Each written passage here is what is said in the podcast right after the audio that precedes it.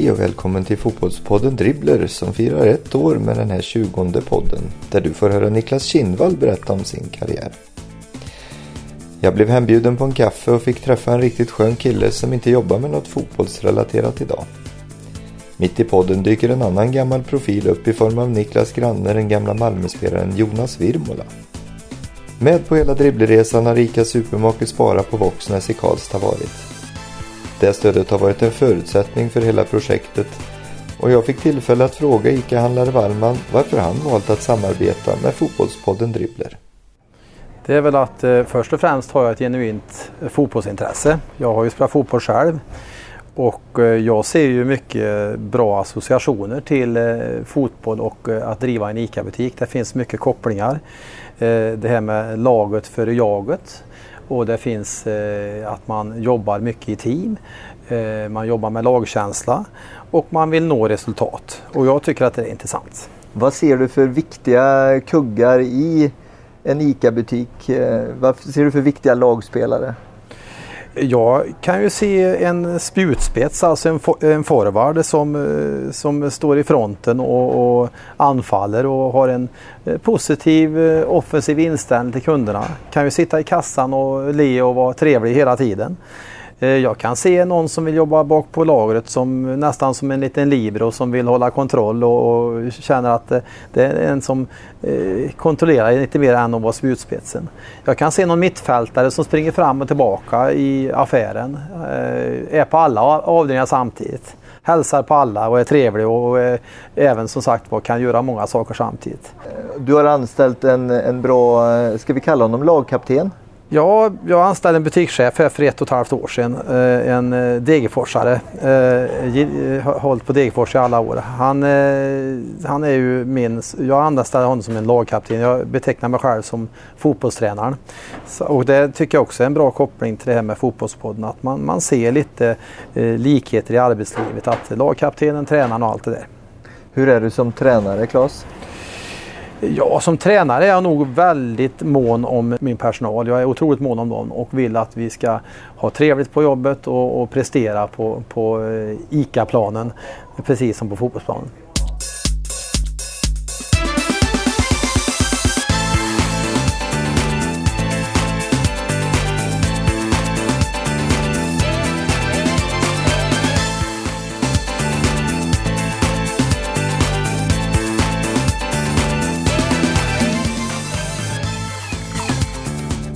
Niklas Kindvall, vad kul att få komma hit och spela in ännu en podcast av Fotbollspodden Dribbler. Vad kul att få vara med. Sist jag kom hem med godfika till någon, det var till Pia Sundhage. Då, då avslutades det hela i ett crescendo av sång. Och jag vet ju att du har musikgener i dig. Eh, Vem vet vad som händer i slutet på den här podden? Jag kan garantera att det inte blir sång. Jag kan garantera. Du är intresserad, dock ej sångkunnig. Jag är jättebra på att spela skivor men inte instrument eller röst. Vi skiter i det helt enkelt. Ja, Mm. jag tror det är säkrast. När jag har läst om dig eh, och vet om din genpool eh, som du har så känns ändå du som en person som i det livet du lever idag ganska långt ifrån fotbollen. Vad säger du om den bilden? Stämmer den? Ja, den stämmer nog ganska bra. Åtminstone yrkesmässigt så. Ehm, Jag är såklart idrottsintresserad men jag skulle nog inte säga att jag är idrottsintresserad utöver snittet. Fotboll naturligtvis. Men jag springer inte och kollar på fotboll live särskilt ofta. Utan det är på TV. Ibland. Det är väl liksom det. Men det är inte intressant nog? Eller? Det finns nog andra saker som är intressantare tror jag. Det är nog mer det. Eh, Till exempel? till exempel allt annat som finns runt omkring. Men jag tror, men det är samtidigt också så att när man har spelat lite här och där så tror jag att man, man får ju inget favoritlag så att säga. Och i Sverige så tror jag att man måste nästan ha ett favoritlag för att det ska bli riktigt roligt att följa, följa matcherna mer noggrant än så. Jag menar, jag gillar ju många lag. Men jag är, ganska, jag är lite slampig när det gäller fotbollslag. Jag, är liksom, jag gillar de som spelar bra. Alltså jag hejar på Barcelona. Men om Real Madrid är bättre så har jag inga problem med det. Liksom. Nej, Utan nej. Det är, Det krossas inga glas? nej, det krossas Nej. inga glas. Det gör det inte. Nej. Någonstans läste jag att du ändå hade en liten förkärlek även för Manchester United. Ja, Mm. det har jag haft. Och har fortfarande, men mindre nu faktiskt, med van Gaal. För nu det går att lite sämre. Nej, men nu går det ju bättre igen Ja. visserligen med honom. Men det är inte så jävla kul med United nu. Det är inte som det var med eh, ja, när de vann eh, Champions League och så vidare. Men det är klart att de lagen som jag en gång har hejat på finns ju fortfarande kvar naturligtvis. Men Ja. nu är det ju roligast att se Arsenal. Och de var jag dödstrött på för tio år sedan. Men nu tycker jag det är roligt att se dem igen. Ja, okej. Så jag är Så inte lite- direkt fan till någon. Möjligtvis Barcelona, men ja. Och sen hejar jag så vill ju såklart att AIK och IFK Norrköping och Malmö FF ska vinna. Allihopa. Men jag blir inte jätteledsen om Elfsborg vinner och är jättebra. Det är Nej. helt okej det också. Det är det fina fotbollen som ska vinna. Faktiskt. Du skriver idag, du jobbar mycket hemma och då skulle man ju givetvis kunna tänka sig att du jobbar med fotbollsrelaterade grejer men det gör du inte. Vad, Nej, väldigt sällan. vad skriver du om? Jag redaktörar två tidningar. En som heter Vin och barjournalen. Som är prenumererad. Och en branschtidning som handlar om bergmaterialindustrin. Och sen gör jag en hel del frilans. Mycket personporträtt och allt möjligt jox av olika slag. Men väldigt sällan idrott. Jag har skrivit någon text i Offside för några år sedan. Men, och några andra saker. Men inte, det är inte huvudsyftet. Eller syftet, saken. Ja, men det är ett val som du har gjort för att det kort och gott helt enkelt inte är intressant nog. Det finns annat som är roligare. Det, det är klart att det finns intressant fotbollsjournalistik. Jag menar jag läser Offside från perm till perm. Jag tycker den är skitbra. Däremot läser jag inte mm, sportbilagorna särskilt noggrant. Att det är, jag tycker det är lite mer intressantare bakom, lite djupare. Jag träffade ju din pappa Mm. för ett tag sedan. Ett väldigt trevligt möte. Och en sån där bild som stannade kvar det var när han, han beskrev sig själv eh, sommaren 66, eh, den här matchen mot eh, AIK var det tror jag. Sista innan han flyttade tror jag var AIK. Ja. Och han, 4-0. han vann ju skytteligan fast han bara spelade halva säsongen. Och det var off Sa han halva? Ja, han sa halva. Kan jag Och- tänka mig. Det var mer än halva eller? Ja, det måste det ha varit. Hur som helst så beskrev han ju sig själv när han blev buren runt där och det var, ja det lät superhäftigt.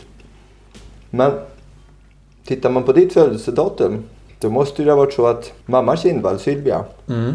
hon bar ju på dig då va? Du är ju Ja. född i Holland. Ja, jag, jag tror att jag, eller mamma och pappa påstår att jag är tillverkad på bröllopsnatten. Och det var ju 66 i maj eller någonting sånt där. Det låter ju rimligt. Det låter rimligt Mm, ja. mm. Om de kunde avhålla sig från dagen innan och dagen efter. Men Ja. det, det, man har ingen aning om sånt där. Där Men vet vi inte det är, tillräckligt. det, är en, det är en bra story. Mm, mm. Men lite tufft det där tycker jag att sticka iväg. Man, man ja, byter land precis i ett sånt eh, ja, men känsligt skede ändå liksom i livet. Mm. Nu var du bara där några år men har du några minnen från, från Ja. uppväxten? Jo, men jag har ju ett vansinnigt roligt minne. Från jag var i fyra när jag flyttade ifrån, tror jag, ungefär. Och ehm, farsan och morsan trodde ju inte att jag kunde prata holländska. Så de var ju så här överbeskyddande när jag skulle leka med kompisarna i det här lägenhetskomplexet där vi bodde. Och det här har pappa, pappa berättat för mig då. Så han var ju, farsan var ju med som någon slags tolk där nere när jag skulle leka med någon kille. Vi skulle spela fotboll när vi var fyra år då. Och eh, enligt historien då så ska farsan upp och ta, hämta en kopp kaffe. Så han lämnar mig. Jag tänker han klarar sig väl i två minuter. Men när han kommer ner igen då ser han att jag står och pratar holländska med den här killen. Och det roliga är att det jag säger är att när man var liten skulle man alltid vara någon fotbollsspelare när man spelade. Jag säger åt min kompis att han får vara Ove Kindvall. Jag vill fan vara Johan Cruyff. Det yttersta sveket. Det yttersta sveket. Jag vet inte om det är sant. Men storyn finns i alla fall. Ja. Men du hade, du, hade ett holländskt språk alltså? Jag talade hålländska Ja. då när vi flyttade hem. Det Ja, finns inte kvar. Nej. Nej, för det måste man ju använda. Ja. Mm. Ove verkade ju väldigt nitisk. Han och Sylvia satt ju och tittade på TV och lärde sig. Och Ja. liksom, han har ju verkligen underhållit det. Båda Men, de två talar bra. ja, men det finns ingenting kvar Nej. så. Nej. Jag förstår rätt bra men det tror jag alla gör. Mm. Det, är rätt, det är lite hit, hit, hitta på språk liksom. Ja, men grejen med holländska är att man tycker ju att man förstår. Det låter ju som två svenskar på håll som står och pratar för det är samma melodi. Mm. Och så kommer man fram och då känns det som att man plötsligt har fått afasi eller någonting. Så man förstår ju inte ett ord. Nej. Mm. Tycker jag. Men det låter väldigt svenskt. Det blir ju extra kul att prata arv och miljö med dig. Mm. Var du en bollkille från början? Ja, det var jag. Min gympalärare i gymnasiet sa att om han kunde ge en sexa eller en sjua i betyg så skulle jag få det. Oj. Så jag kunde ju, jag var ju väldigt duktig i alla, i princip alla sporter. Utom ishockey. Den där jäkla pucken som Ja, ställer till det. Mm. det finns ingen känsla i en puck. Nej. Ehm, Så jag höll ju på med massor med olika sporter. Hela tiden, ända tills jag, jag vet inte, 16-17 eller någonting sånt. Det var inte nödvändigtvis fotboll det var tvunget att, att bli liksom. Nej, och enda anledningen till att det blev fotboll egentligen var för att det var roligast. Din pappa pratade om att han eh, redan när du var, då pratar vi väl dagar gammal, hängde upp någon boll i ett snöre Ja. som hängde över dig. Jag tänkte Det på, kommer du har jag inte riktigt ihåg. Nej, det förstår jag. Men jag tänkte så här, visst har du två syskon? Ja. Hade de också det? Har de också ärvt någonting av, av pappas gener? Min yngsta syster Tina har ju spelat eh, fotboll. Mm. Mycket. Min mellansyster gjorde det inte alls. Nej, nej. Hon var väldigt duktig i, gymna, gymnastik i istället. Men Tina har väl fått. Mm. Hon gjorde någon, eh, någon landskamp, tror jag, för länge sedan. Då är ju frågan, Oves bild är ju att han, han har funnits i bakgrunden och han har sagt om du har några frågor då, då Mm. kan du komma till mig. Men att han inte har pushat. Nej, men den stämmer. Ja. Men vad tror du om det här med att, att födas med, med liksom förutsättningarna att lyckas? Eller att fotboll är överallt runt mig så att det kunde... Och nu säger du att det skulle kunna blivit någonting annat men miljön påverkade mig tillräckligt mycket. Jag vet inte vad man ska säga om det där med gener och så vidare. Jag menar, talang finns ju. Men talang är ju inte... Det är ju liksom... Ja, för att nå... För att nå låt, låt säga för att nå en allsvensk plats. Så behöver du... Du behöver mindre talang och mer vilja. Om du ska bli riktigt bra så är det klart att talangen måste finnas där någonstans i bakgrunden också. Men jag, jag skulle säga att om jag var tvungen att välja på vad som är viktigast. Huvudet eller fötterna liksom, på en fotbollsspelare så är det huvudet. Klart viktigast. Kan man nå landslagsnivå med huvudet? Det måste finnas vissa förutsättningar. Men Jo, det är klart du kan nå jävligt långt med huvudet. Och det kan du inte med fötterna. Nej. Bara. Den här klassiska grejen som jag till exempel då, är jättefotbollsintresserad, lever för fotboll och sen kommer man upp i tonåren och gymnasiet och så upptäcker man andra saker i livet. Brudar.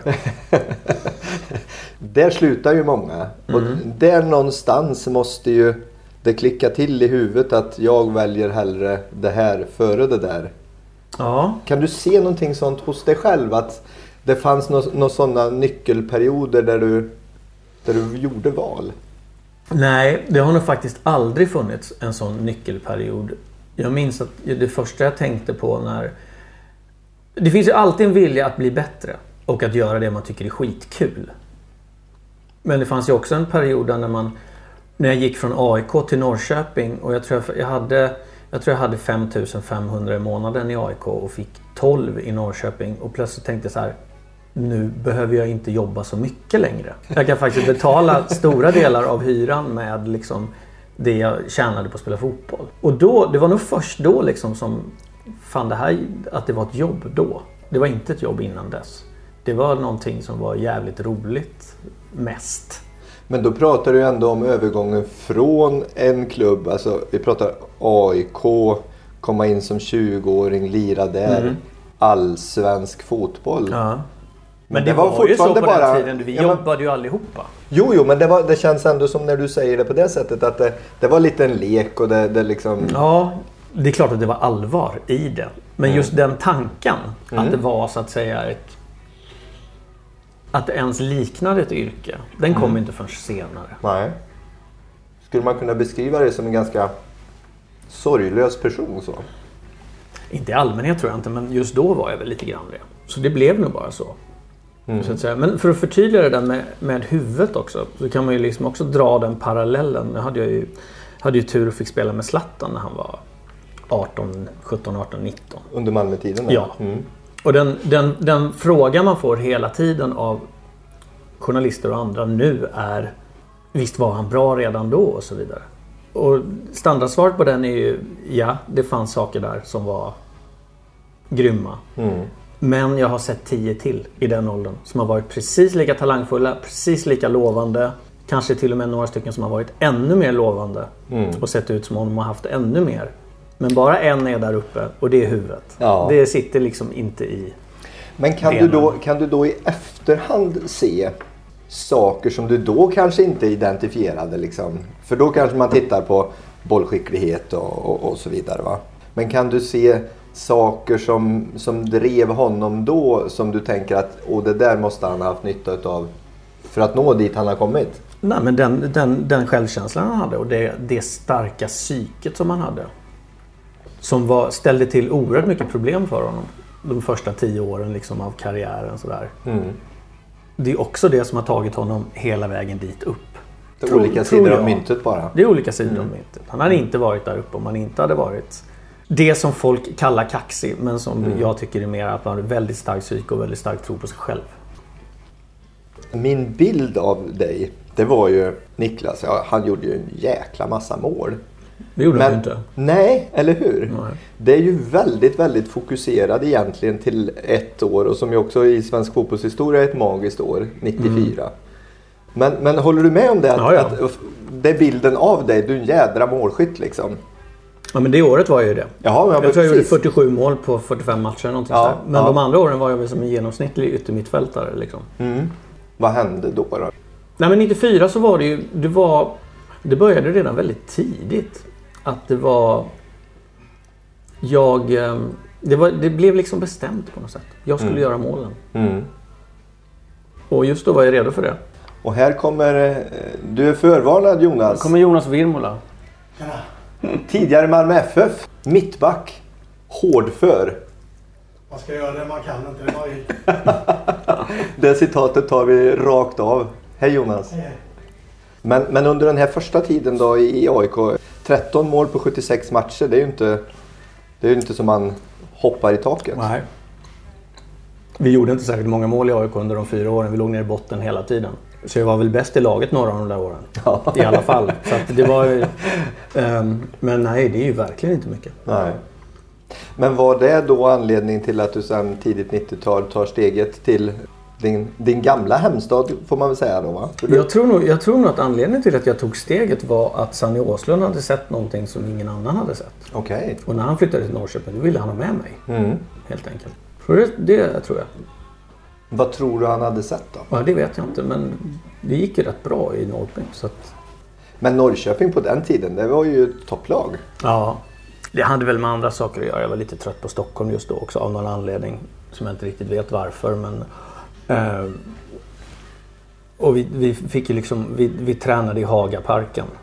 Fast mitt under allsvensk säs- säsong. Liksom, för det var ju bedrövligt här i Stockholm då. Och i Norrköping hade de ju en träningsplan. Det, var, det var lite sådana saker också som, som, som påverkade. Man fick lite grönt under fötterna också Mm. på, på våren. Ja, det hade vi inte i eh, Stockholm då. Nu är Nej. det ju mycket bättre men då var det fruktansvärt dåligt. Ja. Men, men övergången eh, kopplat till Sanni, det var ju även eh, Jan Eriksson Mm. med i. Och det vart ju jädra liv då.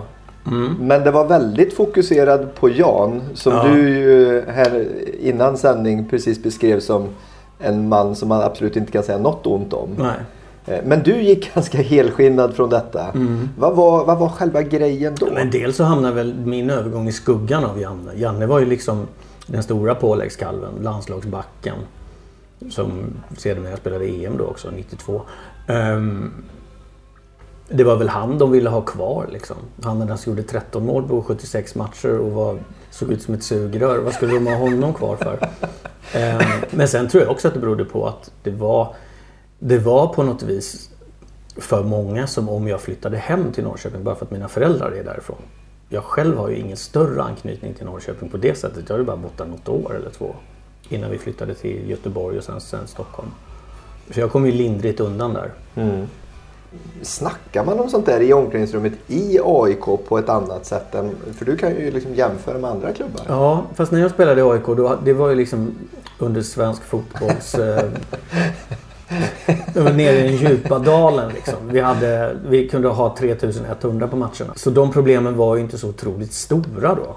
Nej men ändå finns ju eh, de här tongångarna där. Ja men det var senare. Alltså det var ju när jag stack där. Det var väl det, det första egentligen. Vad jag minns. Där det blev. Där liksom det blev riktigt ordentligt. Och sen började ju intresset började ju stegras där någon gång och fick otroligt mycket näring av EM 92. Och sen dess har det varit väldigt populärt. Men det var ju de närmast sörjande som gick på fotboll när jag lirade i AIK de fyra åren. Och då naturligtvis var inte problemen så stora heller. Men jag menar om du samlar 13 000 människor någonstans så är det är lättare att det blir bråk då. Jo, än men jag menar även om du samlar där. 3000 människor så, så kan man ändå i den då relativt sett mindre gruppen lyckas få skaka fram ett antal personer som hotar och, och, och liksom skapar en otrygg stämning. Det, Mm. det är förbluffande liksom att det, Mm. att det kan vara på det sättet. Men du, 1994 Ja. Eh, om man ska göra en, en golfmetafor. Ibland är man ju inne i zonen och när man ska putta då, då känns det som att hur långt bort man än står så är håret är så stort så jag kan inte missa det. Allt går i. Var det så när du spelade fotboll 94? Ja. Det är en väldigt bra metafor. Ehm, Det kändes lite som om målvakten var en sån här liten hockeygubbe-målvakt i ett, i ett hockeyspel. Det var liksom, jag, jag såg inte målvakten. Nej. Jag brydde mig inte. Nej. Men sen har man ju haft andra situationer också. Den varit stor som ett hus. Har du funderat något på det i efterhand? Den, den frågan diskuteras ju liksom i... Den kommer ju upp med jämna mellanrum. Vad är det som gör att någon får måltorka? Eller vad är det som gör att någon bara sätter allt? Och det är, det är väl klart att det, det mesta av det är ju mentalt, såklart. Mm. Men sen just vad det beror på har jag inte fördjupat mig så mycket i. För någonstans måste man ju ändå ha förmågan också. Jag Ja. Mm. menar kopplat återigen huvud och, och fötter liksom. Du öste ju in mål. Ja, men jag, jag, delvis var det att jag kände att på något vis så, så, så fick jag ta ett ansvar där. Vi hade blivit av med Janne Hellström och bland annat och andra spelare som gjorde mycket mål. Så blev det jag som fick göra dem och just då var jag redo för det. Men sen ska man också komma ihåg att 94 hade jag otroligt bra framspelare. Pelle Blom och Janne Jansson och och eftersom det var jag som skulle göra mål så var det jag som fick bollarna också. Jag menar, det, det är en sån enkel sak också. Kan det ha någonting att göra med spelstil tänker jag? Liksom att, du var ju knappast den stora targetkillen. Utan Tycker du inte? du har själv beskrivit dig som sugröret. Men kan, kan sånt spela in? Att, att det var ett rakare spel, ett djupledsspel. eh, Du hade Ja. folk som levererade bollar. Eh, Kan det vara någon del av en förklaring? Ja, det kan det ju vara. Såklart. Kommer inte jag ihåg hur svenska lag spelade taktiskt 1994. Men det var ju rätt mycket springa igenom och göra mål. Det var det ju. Det känns ju som ett, ett klassiskt Niklas Kindvall-mål. Ja, jag gjorde många mål på det sättet. Men du, eh, 94 gick ju hyfsat bra för svenska landslaget. Ja, Har du någon som helst aning om du var aktuell och i sådana fall hur aktuell? Och... jag bör ha varit ganska aktuell. Jag spelade sista landskampen innan de åkte till USA och den första efter de kom tillbaka. Så hyfsat, hyfsat aktuell var jag ju. Men det var ju en forwardsbesättning då som var rätt stark med Kenneth och Martin och Henke Larsson och Brolin. Slå det in där om du kan. Så det är ingenting som jag har funderat särskilt mycket på. Jag tittade på, på truppen. Jag kunde, jag kunde se en sån utility player som Magnus Erlingmark. Som Ja. står uppsatt som nästan så här forward, mittfältare, back, målvakt. Han, han kunde... Han, fick, han fick ju platsen som forward. Ja. Han stod ju som forwardsplats. Men naturligtvis så var han ju, tyckte väl lagledningen att det räckte med de fyra vi hade. Så plockar man in Magnus för han är alltid bra att ha. Liksom. Du gjorde sex landskamper men inga mål. Och, ing, var, och ingen viktig landskamp heller. Hur var det för dig att gå in och spela landskamper? Var det, var det stort? Var det nervöst? Var det... Ja men det är alltid stort och nervöst att spela landslaget. Sen kände jag mig aldrig riktigt hemma där. Det var ju, det var ju ganska tydlig IFK Göteborgs dominans då tillsammans med vissa Malmöspelare också. Sen var det liksom inte så mycket mer. De som kom, det var några komplementspelare där som knallade in från, från sidan. Men hur var det då att komma in när man inte var varken eller? Nej, det var väl inga problem så, men det var inte som, det var inte som hemma i klubblaget. Nej. Var det ju inte.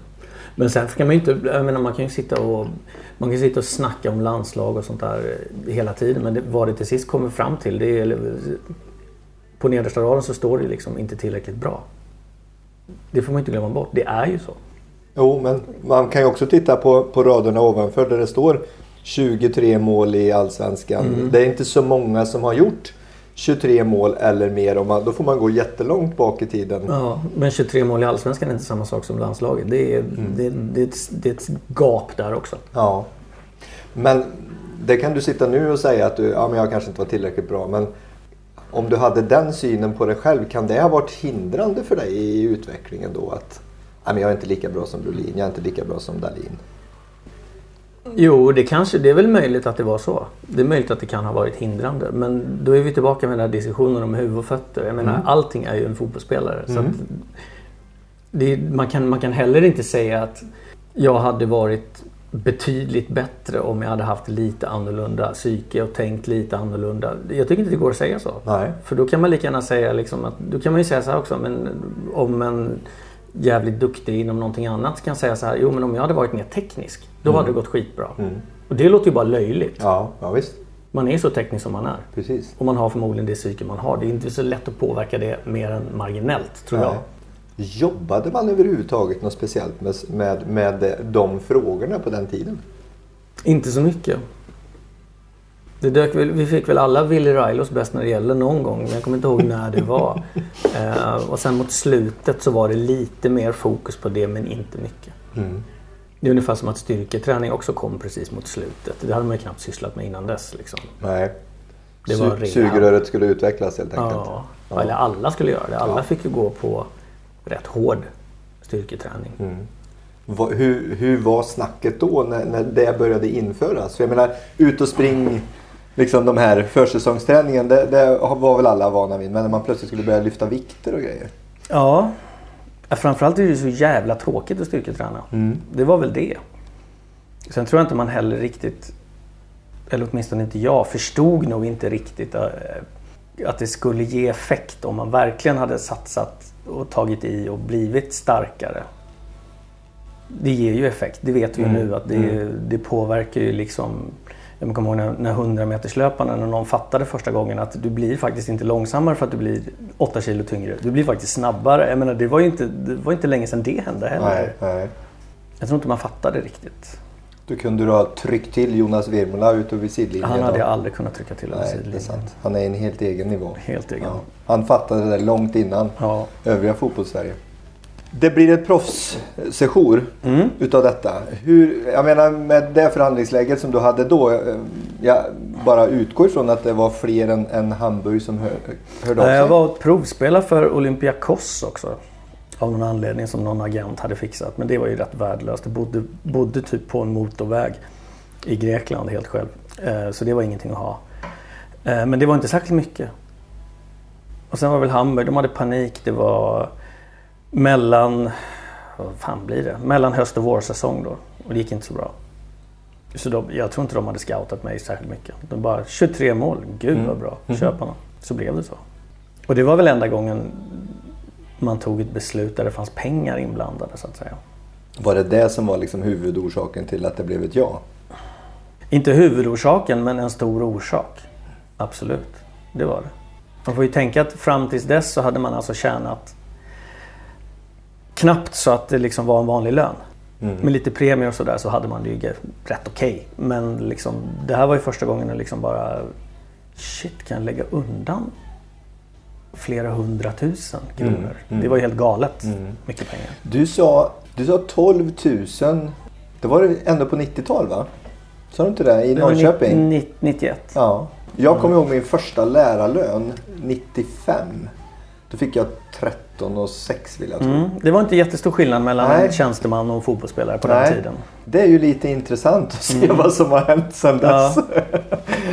en ganska, Det har hänt en del. Ja. ganska stor utveckling på, på den ena fronten ska vi Ja. säga. Men va, varför blev det så kort då? Det, det var väl bara ett år? Dels så var jag väl kanske inte den spelare de trodde att jag var. De spelade ju fortfarande på, på target player och inlägg. Djupledsbollar var det fanns ju knappt några. Jag gjorde två mål de första tre matcherna. Men sen så... Jag vet inte. Gick det sådär och de hade ju tre utlänningar-regeln. Ja, Och vi var sju. Mm. Sju utlänningar i truppen. Och du fick bara ha tre på planen. Vilket gjorde att i första, mat- första tre matcherna så petade jag Jordan Letchkov. Så han fick sitta på bänken. Och det är en jävligt bra spelare. Det är klart han ska lira. Men då var det där, då var man tvungen att laborera med utlänningarna på det sättet. Mm. Så det var ju rätt lurigt. Och sen efter då, efter första de här 15 matcherna eller någonting. Så bytte vi tränare. Och vad en ny tränare gör då, Felix Magath för övrigt. Han köpte ju raskt tre nya utlänningar, sina egna han utlänningar. ja. Då ville han ha egna. Han ville inte ta över. För det var ju så att säga en... det var ett litet spel där. Det var de här S man hade. Han ville ju inte ha den gamla tränarens kort. Han ville ha sina egna kort. Ja, så då köpte ja. han tre nya och då försvann vi iväg. Var bland annat Stig Töfting också. Han fick inte spela en match knappt i laget. Han var ju också i uh, Hamburgs trupp Ja. Och då så... eh, då ville jag dra. Mm. Och det var inga problem. Mitt bästa bildminne av Felix Magath är när han aldrig kommer ikapp eh, Torbjörn Nilsson där Mm. eh, Uefa-cupen. Jag påtalade det till honom väldigt många gånger medan han fortfarande var andra tränare. Ja, okej. Och då skrattade han. Men sen när han blev första tränare och förvandlades till en liten... Eh, ja... Gud vad många ord jag kom på då som jag inte ska säga i radio. Ehm, när han blev lite tuffare så eh, det var inte läge att dra upp det. Men sen då när vår tränare fick sparken, Benno Möllman, och kom in i omklädningsrummet och så sa han att jag är ledsen för det här, bla bla bla. Men Felix tar över. Och så gick den tränaren ut, så kom Felix in och så sa han Vi tränar normalt sett klockan 10. Imorgon börjar vi träna klockan halv nio. Ni behöver inte ta med bollarna, joggingskor på. Okej. Sen var det, liksom, sen var det straffkommendering i några veckor där. Då skulle han sätta sitt Då skulle han sätta prägel på det. Då hade det varit liksom... Han var i högsta grad ansvarig också för det som hade hänt dessförinnan. Men eh, då, då var ju naturligtvis allt det gamla dåligt och nu skulle vi tillbaka till rötterna. Nu är det kriga som gäller. Vad ska man ha för, att vara, för egenskaper för att vara en bra tränare i dina ögon? Jag tror att det är få tränare som har förmågan att kunna lära sina spelare särskilt mycket. Utan en tränare ska vara bra på att skapa ett klimat där det är okej och när man kan pre- prestera bra. Liksom. Där folk känner sig trygga i det. Men det är en balansgång också. Det är en konkurrenssituation och så vidare. Du tror inte liksom det här med att skapa spelsystem och, och hela den biten är, är lika viktig? Nej, jag tror inte det är lika viktigt. Klart att det är viktigt. Jag menar, taktik är såklart viktigt. Men En miljö där man kan prestera på max. ja, ge, va- ge spelarna förutsättningar liksom, till det. Och där ingår väl taktiken. Sen lära dem någonting. Det, jag menar, taktik behöver man inte lära någon. Man, Det kan man bara komma på. Du ska springa här liksom. Men jag tycker inte jag har lärt mig något fotbollsmässigt av någon tränare jag haft efter 20 år. Liksom. Däremot har de varit bättre eller sämre på lite på det taktiska men framförallt socialt. Har du varit en bra lyssnare? Ah, det vet fan. Jo men det tror jag liksom. Vissa tränare kan ju bara få, kan ju ge spelare förtroende. Och som man då antingen kan, kan motsvara eller inte. Men den här hårda stilen den fungerar ju ofta men inte så länge. Så brukar det inte vara. För mig blir det då konstigt, som ju aldrig har träffat Felix Magath och som ju inte alls vet någonting om honom egentligen. Men att, att han ändå ända in i dag rullar runt i olika klubbar. Och han är ju förvisso ett namn och har gjort på alla svenska tränare, rullar också runt. Ja, Alla är väl men, inte bra? men, men alla kan ju inte bli beskrivna som en jävla gris. Om man har de egenskaperna så att man, det skulle rensas ut på så här lång tid. Men han fortsätter ju och dyker upp och ska rädda klubbar och Jo, nu det, går vi ut och väl, springer. det finns väl svenska tränare som har beskrivits som jävla grisar också. Jag vet att till exempel Liston var ju, fick ju mycket sånt även om jag inte har någon aning om det är sant eller inte. Men han tränade ju ända tills han blev gammal Mm. i klubbar. Liksom. Så att, men det är väl, det är ju till syvende och sist för en tränare så är det bara resultat som räknas. Mm. Jag menar det var väl bara några, var det fem, sex år efter det så vann han med Wolfsburg. Och sen tränade han väl Bayern München och vann väl någon liga med dem också kanske. Sen fick han kicken därifrån för att det gick i alla fall inte och så vidare. Mm. Jag vet inte var han är nu. Ja, jag vet, sist, sist jag såg så dök han väl upp i Fulham där någon sejour va? Så är han i Jonsered och springer efter Torbjörn Nilsson fortfarande. Det kanske är. Kommer inte ikapp. Utanför pizzeria Safir. Ja. Ehm, vad, vilka bra tränare, vilka har, vilka har du haft som du tycker ändå har varit bra på att skapa en bra miljö då? Det är lätt att säga Sören Kratz för att han gav mig förtroendet och det gick bra för mig då. Den vet jag inte vad någon annan tycker om det. Det har jag ingen aning om. Nej. Alla tränare, alla tränare jag haft har varit bra på vissa sätt, dåliga på andra. Liksom. Hade en tränare i Älvsjö som heter Lennart Wass som sen också en gång fick träna Djurgården tror jag till och med. Han tyckte jag var skitbra. Han var fotbollsälskare. Han var den man behövde då. Rätt tränare vid rätt tid i Ja. ens egen karriär. Ja, det tror jag. Mm. Sen... Eh, alltså det är så svårt att säga. Roffe Zetterlund var bra på sitt sätt. Frans Tyson som, var, som vi hade i Malmö som var jävla typ också. Han lärde mig väl lite grann i alla fall. Liksom, det finns både plus och minus på alla tror jag. Mm. Är det bra som tränare att ha haft, liksom att ha varit framgångsrik som spelare själv? Kan det vara en bra egenskap i sig? Det kan det nog vara i vissa fall. Men det går nog lika bra utan om man, har, om man kompenserar det med något annat. Det tror jag. Ja. Du kom ju tillbaka efter Hamburg, den korta sessionen, Ja. till Malmö.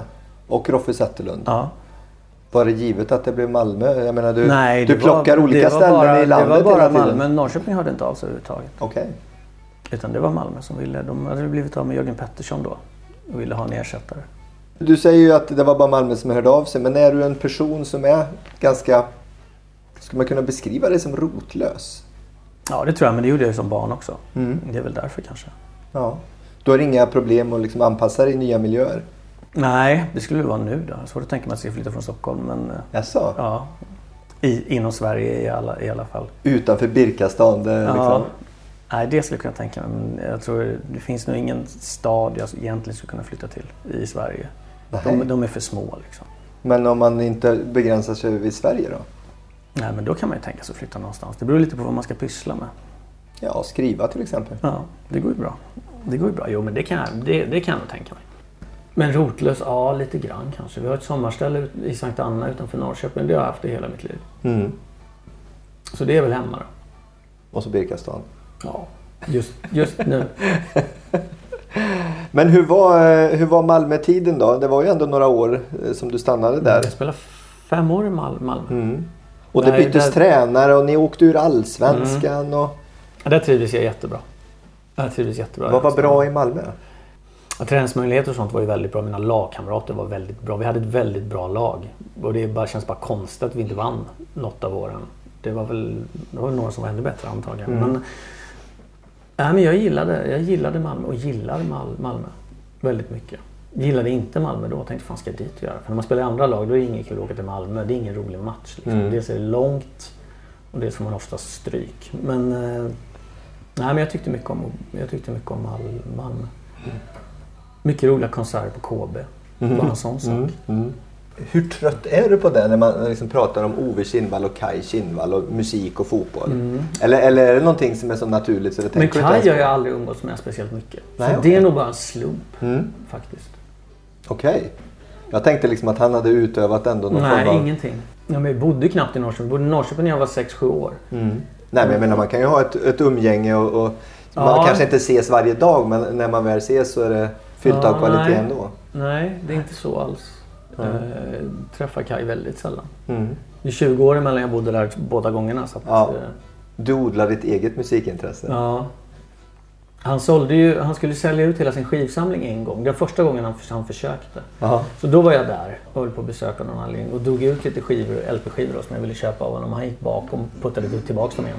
Alltså. För jag tog ju bara sådana som han egentligen inte ville sälja. Jaha, ja. Jag hade inte med mig många därifrån. Går du och ruvar på någon sån där eh, jag ska skriva en bok?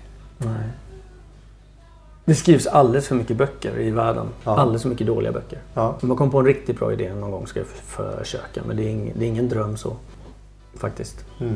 Nej, jag kan tänka mig att man när man skriver och man gör olika uppdrag och du, du hade ju olika engagemang och du frilansar och då kanske det ändå är perioder där det är lite lugnare att man har något sånt där Mm. sidoprojekt som man liksom, det kan ju ligga ganska länge Ja. en sån idé. De lugnare projekten, eller eh, perioderna, då, då skiter jag helst i att skriva.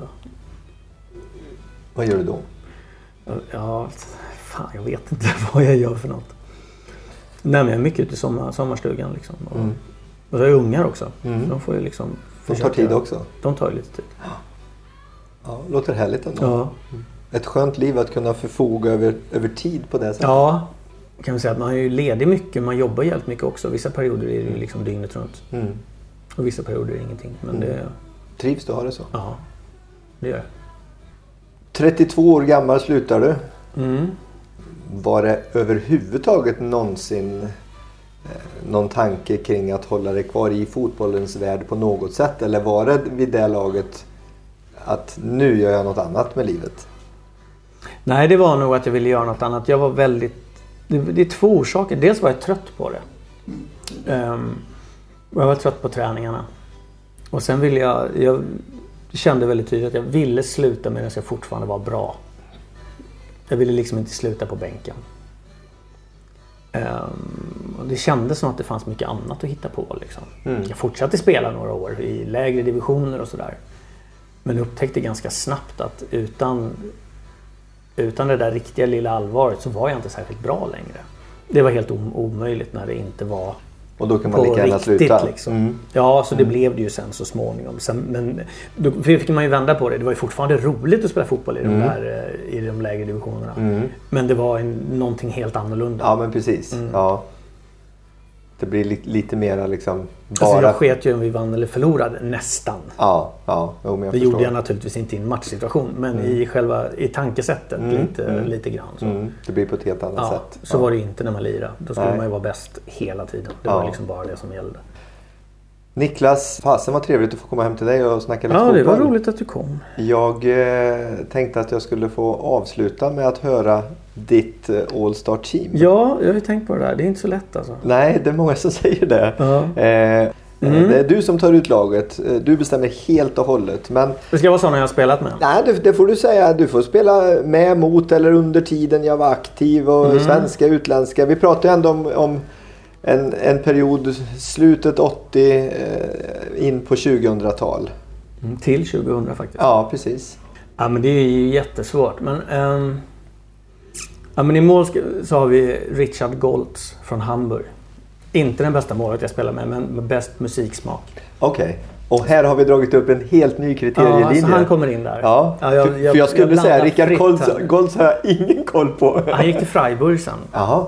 Han var ganska bra. Vad, gjorde han någon landskamp? Jag tror inte det. Nej. Jag tror inte det. Han tog över efter Uli, Uli Stein då, mitt under perioden jag var där nere. Mm. Ja, det var ju naturligtvis en jättebra målis.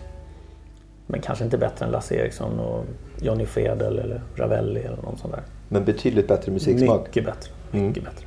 Sen tar vi med Jan Eriksson som mittback. Tillsammans med Sven Dala Dahlqvist som jag spelade med i AIK. Som ser ut som att han kan... Det är helt omöjligt att han kommer bryta bollen men det gör han hela tiden i alla fall. Han hade den där långa Ja, sista tån. man hade alltid dribblat av honom innan han bröt. Han bröt ju aldrig liksom innan. Nej. När man var förbi, då bröt han. Ja. Han var väldigt bra. På vänsterbacken eh, Slobodan Marovic som spelade i Norrköping 92 eller någonting sånt här. Helt sjukt bra. Kom från Röda Stjärnan. Ehm, och som högerback sätter vi in Jonas Virmola. Vi har några skador på högerbacken men Jonas Virmola kommer in som, eh, som högerback. På, Just musik, nu- på, på musiksmak. In, dock inte på musiksmak överhuvudtaget. Men vi kliver in med Jonas Virmola där.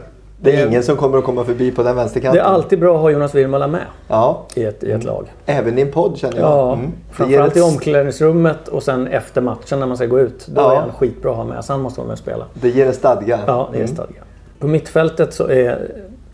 På vänsterkanten har vi en som heter Jörg Alberts från Hamburg som sedan gick till eh, Glasgow Rangers, tror jag, några år efteråt.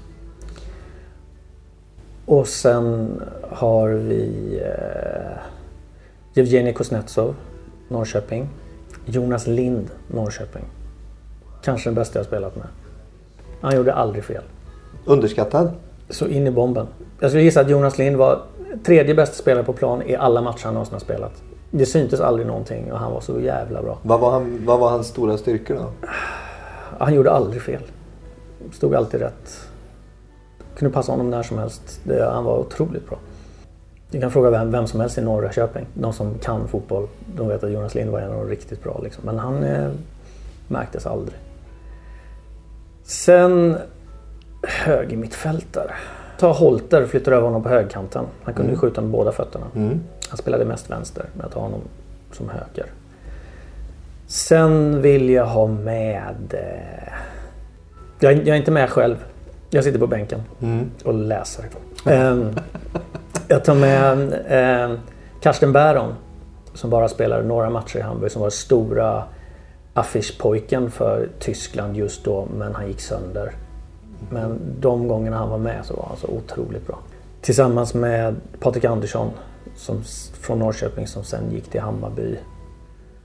Som förmodligen är den mest talangfulla spelare jag har spelat med inklusive Zlatan. Men som aldrig fick... Han fick det inte till det rik- rik- riktigt. Om jag ska jämföra med någon så var han eh, Torbjörn Nilsson. extremt avig och eh, kunde göra precis vad som helst när det stämde. Tobbe Nilsson var naturligtvis mycket jämnare. Kanske även lite bättre. Men Patrik Andersson hade kunnat bli så bra kanske. Han var läskigt bra. Så det blir mitt lag. Ska vi skita i sången? Ja, vi skiter i sången. Då säger jag tack för kaffet. Tack själv. Det var sista podden innan sommaruppehållet. Tack till Niklas Kindvall och tack till Ica Supermarket Spara på Våxnäs i Karlstad för ert stöd under det gångna året. Gå gärna in på dribbler.se och kommentera eller ge förslag på gäster inför hösten. Du når mig också via sociala medier på Facebook som Fotbollspodden Dribbler eller via Twitter som Kantdribbler. Ha en riktigt trevlig sommar så hörs vi i höst.